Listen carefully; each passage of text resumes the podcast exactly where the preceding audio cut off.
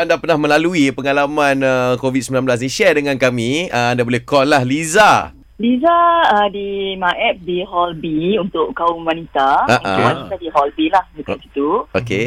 The first day tu memang ya tak tahu nak cakap lah memang aduh macam ni ke sedihnya macam tak, tak tahu nak buat apa kan. Ah, ah, ah, have no idea tak tahu nak buat apa.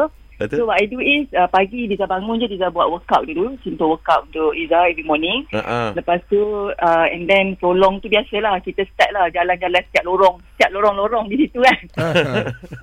Hi, morning, good morning, good morning. Hi, morning, Kak Eliza. Ni uh, Kak, nama apa Kak? Oh, okay lah. Sembang lah. Ni, ni, ni, ni. All the way lah. Eh? All the way lah Liza buat. Every, almost every day. Kemudian, uh, kita ada satu pintu tau. Okay. Pintu ni pintu, uh, Liza panggil pintu Abang Selamat.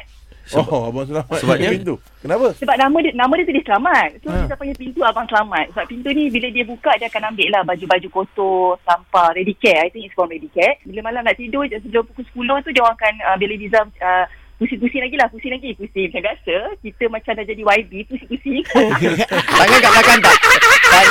Dia kalau YB jalan tangan kat belakang tau. Kat pinggang kat belakang. Ah, tangan awak kat mana masa berjalan-jalan tu? sebiji, sebiji tangan Liza kat belakang. Kita tipu. Cuba tanya. Tangan Liza kat belakang. Lepas tu Liza jalan, lepas tu dia, dia tu cakap, okay besok jangan lupa kita macam biasa, pintu buka, kita zumba pagi eh, macam biasa. Wah, jadi leader dia dia jadi leader weh. Dia leader. Leader. Kalau kat flat tu dia ni ketua tu. Ah. Bawah mesti mau mau ikut dia punya. Ah, jangan contoh yang kat flat net. Ah, habis? Dia contoh dia kalau dia MLM, Ah, ah. dia 001.